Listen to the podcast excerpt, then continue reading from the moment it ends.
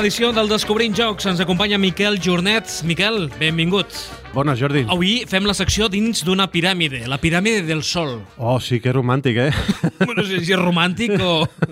Dintre d'una piràmide jo una nit no la passaria, eh? eh jo tampoc. Enca encara que hi ha gent que ho ha passat. El Miguel Blanco, de Espacio Blanco, ha dormit a...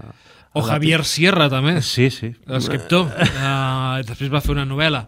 Sí, sí, diuen que és una Dient experiència... de coses que li havien passat. Jo, mm, no. No. Jo de dia, i si pot ser il·luminada, millor. Millor, sí. I si pot ser més gent, millor. Però sol no. Mira, sol, piràmide del sol. Sí. De qui és aquest joc? Doncs mira, és d'un autor que és famós perquè el seu lloc insígnia és el Saboter. L'autor es diu Frederic Moyersen. Artista gràfic. Poloneses són dues noies, Agnieszka Kopera i Magdalena Markowska. Veig eh, que Polònia, eh, ho estem veient doncs, aquesta temporada a l'Espai del Descobrint Jocs, eh, que és un país on sol portar molta, molts creadors de jocs de taula i il·lustradors. Eh? Hi ha molt talent, sí, sí, però no només en jocs. És un país molt competitiu i hi ha molt talent emergent i, bueno, és, L'editor. Sí. Eh, es diu Pavana Games, és una editorial nova eh, aquí a, a l'estat espanyol i ens ha enviat una mostra d'aquest joc en, en anglès, però que l'hem pogut jugar i l'hem pogut tastar. Número de jugadors. De 2 a 5 jugadors, Edat recomanable. a partir de 8 anys, Temps de partida. de 10-30 minuts, més o menys. Mecàniques del joc. És un joc de col·locació de rajoletes, eh, tot i que són cartes, per fer la forma de la piràmide del Sol, no? I també és de gestió de mà, perquè tu has de decidir si t'entren o no t'entren més cartes a la teva mà. El preu. El preu surt per uns 9,95 en botigues, Està bé, és un joc a capsa petiteta. Mm. La nota. té un 5,4 a la Wargame Geek i ara mateix està en la posició 14.371. És un joc molt nou, però també és un joc que el, el que es proposa no és relativament nou. Hi ha jocs que també ho proposaven abans, que és fer una piràmide amb cartes, ja parlarem d'això. Qui agradarà aquest joc? Doncs eh, mira, és, eh, és complicat, no ho he redactat perquè van fer una partida i les sensacions no, no van ser massa bones entre, el, entre els que ho van provar. Eh, tenim problemes amb, per exemple, com es gestiona la puntuació, fa servir dues cartes i has de moure un token per dir quants punts tens, però quan passes de 9 has d'utilitzar unes cartes per marcar que tens més de, més de 10, més de 20, més de, i sumar-li el que tens aquí. Hi ha algunes cartes que tenen la visibilitat molt baixa, per exemple, aquesta que té més 80, a l'altra banda té més 70. Mira, a veure si tu ets capaç de veure el 70, més 70, més 80 es veu clar, però... Més 80 i més 70... El més- es, eh, clar, però és que estàs dintre la piràmide i és quan és de dia, quan és de nit. Eh, sí, serà això, però, però bueno, jo el més 30 i el més 40 sí que els diferencio, però per exemple el més 60 i el més 50 no.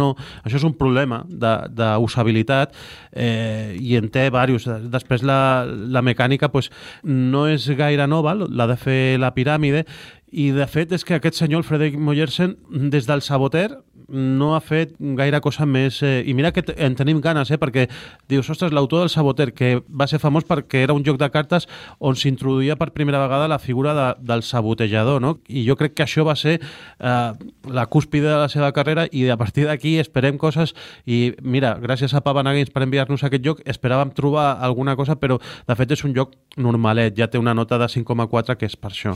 Participa en la construcció d'aquesta fantàstica piràmide azteca jugant les teves millors cartes en els moments oportuns. Al teu torn pots robar dues cartes o jugar-ne una per tal de guanyar punts. A mesura que la piràmide es fa més alta, tens l'oportunitat de sumar més i més punts. Però quan és més alta la piràmide també ofereix menys possibilitats de jugar cartes, desafiar els teus amics i convertiu-vos en els constructors de la piràmide del Sol. És aquesta la, la introducció temàtica, que està molt bé perquè casa molt bé amb la, amb la construcció de la, la piràmide de cartes. Eh, el joc és bastant senzill, es comença amb una base ja preconstruïda de piràmide amb les cartes, requereix bastant taula també perquè les cartes es posen a lo ample i comencem el, el joc amb, amb unes quantes cartes a la mà, però sempre tenim l'opció de quan juguem, si juguem cartes per ampliar la piràmide i puntuar, o si en comptes de jugar una carta decidim agafar cartes i agafaríem un parell.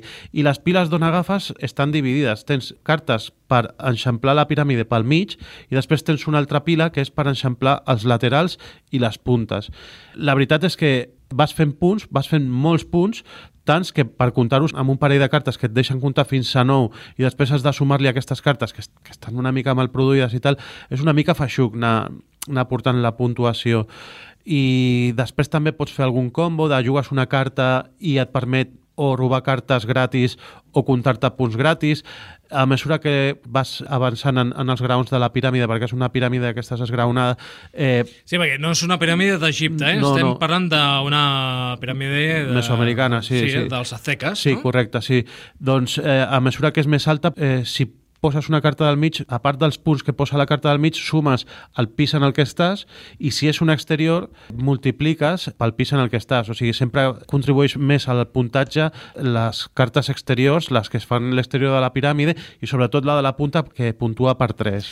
De 2 a 5 jugadors a partir de 8 anys, tens de partida entre 10 i 30 minuts, per tant són partides ràpides. Sí, són molt ràpides. És un joc que, per exemple, si voleu jocs de, de fer piràmides, el, per mi el bàsic és eh, el del Reiner Nícia, un que es diu Pingu Party, que, que era tan senzill de fer una piràmide de pingüins eh, amb, un, amb unes regles fins i tot més senzilles que aquestes. Aquestes són molt senzilles, però aquelles encara més, i funcionava prou bé.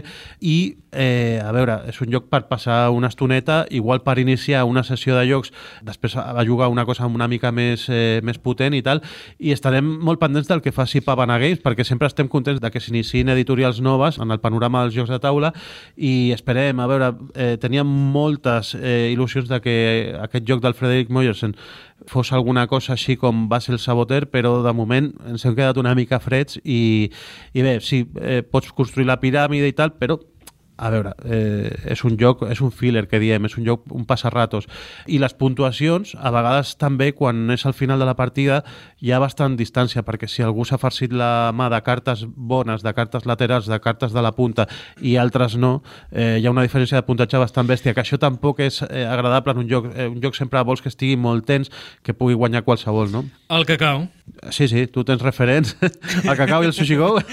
No, el Sushi Go no, el Sushi Go no, però el cacau sí que és un joc eh, fins que no acabes la partida no saps qui ha guanyat, Sí. o l'Aventureros al tren versió Nova York, Mira, ja l'has jugat és l'última, bastant. l'he jugat bastant. Tenim, Ja te'l deixaré, ja te'l deixaré, Un ja jugón, deixaré. eh? Potència. Aquesta No. ressenya la faries tu, eh? Uh, però no explicaré com es poden fer trampes perquè no faig trampes. Tu no, no, ho sap tothom que no, eh? Miquel Jornet, uh, em tornes a fer por uh, amb la música que ens portes avui, Piràmide del Sol, el nom del joc de taula, i has dit abans Pingu Party. No ens tornaràs a posar avui el Pingu. No, no, ja, ja va sortir aquí. Va també. sortir un cop. Aquí... Va sortir en el top B també, També, després. sí, sí. Aquí ens agafem el nom de l'editorial, Pavana Games. Ostres, I per és la Pavana... primera vegada que agafes el nom de l'editorial per una cançó. Canvia-li unes lletres a Pavana Pavana. Games. Pava, Pavana, canvia-li lletres.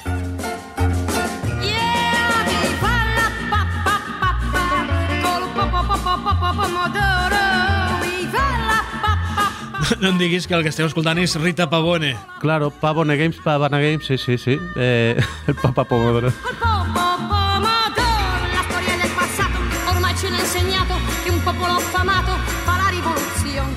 Estem parlant de, de piràmides aztecas, piràmide del sol, i ens poses aquesta música italiana. Eh, que parla d'un plat italià. O sigui, és que eh, recorrem al món en aquesta... Pomodoro, funció. no? Sí, sí, sí. Eh, eh, papa al pomodoro, un plat típic italià. Ara tinc gana, eh? Lavoro,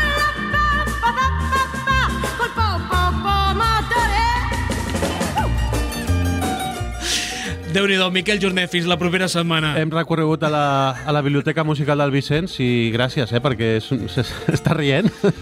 Vicenç té una part de la seva discografia que està molt bé i té l'altra part... Eh, Ah, ah, sí, sí. però ell ho té tot. Les cares bé, sí, sí. Sí, sí, de vegades el pots endollar amb un cable USB i pots baixar-te la música I no, directament. I no és pirateria. No, no, no, no. Vale, és seva, legal. seva.